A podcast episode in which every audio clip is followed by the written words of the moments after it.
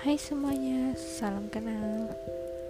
Terima kasih ya karena kalian udah mampir di podcast aku, Inspirasi Malam.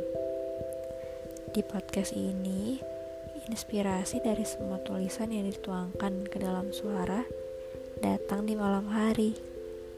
Berbagai curhatan, obrolan, maupun pengalaman hidup dirangkum dari berbagai sudut pandang. Semoga kalian suka ya.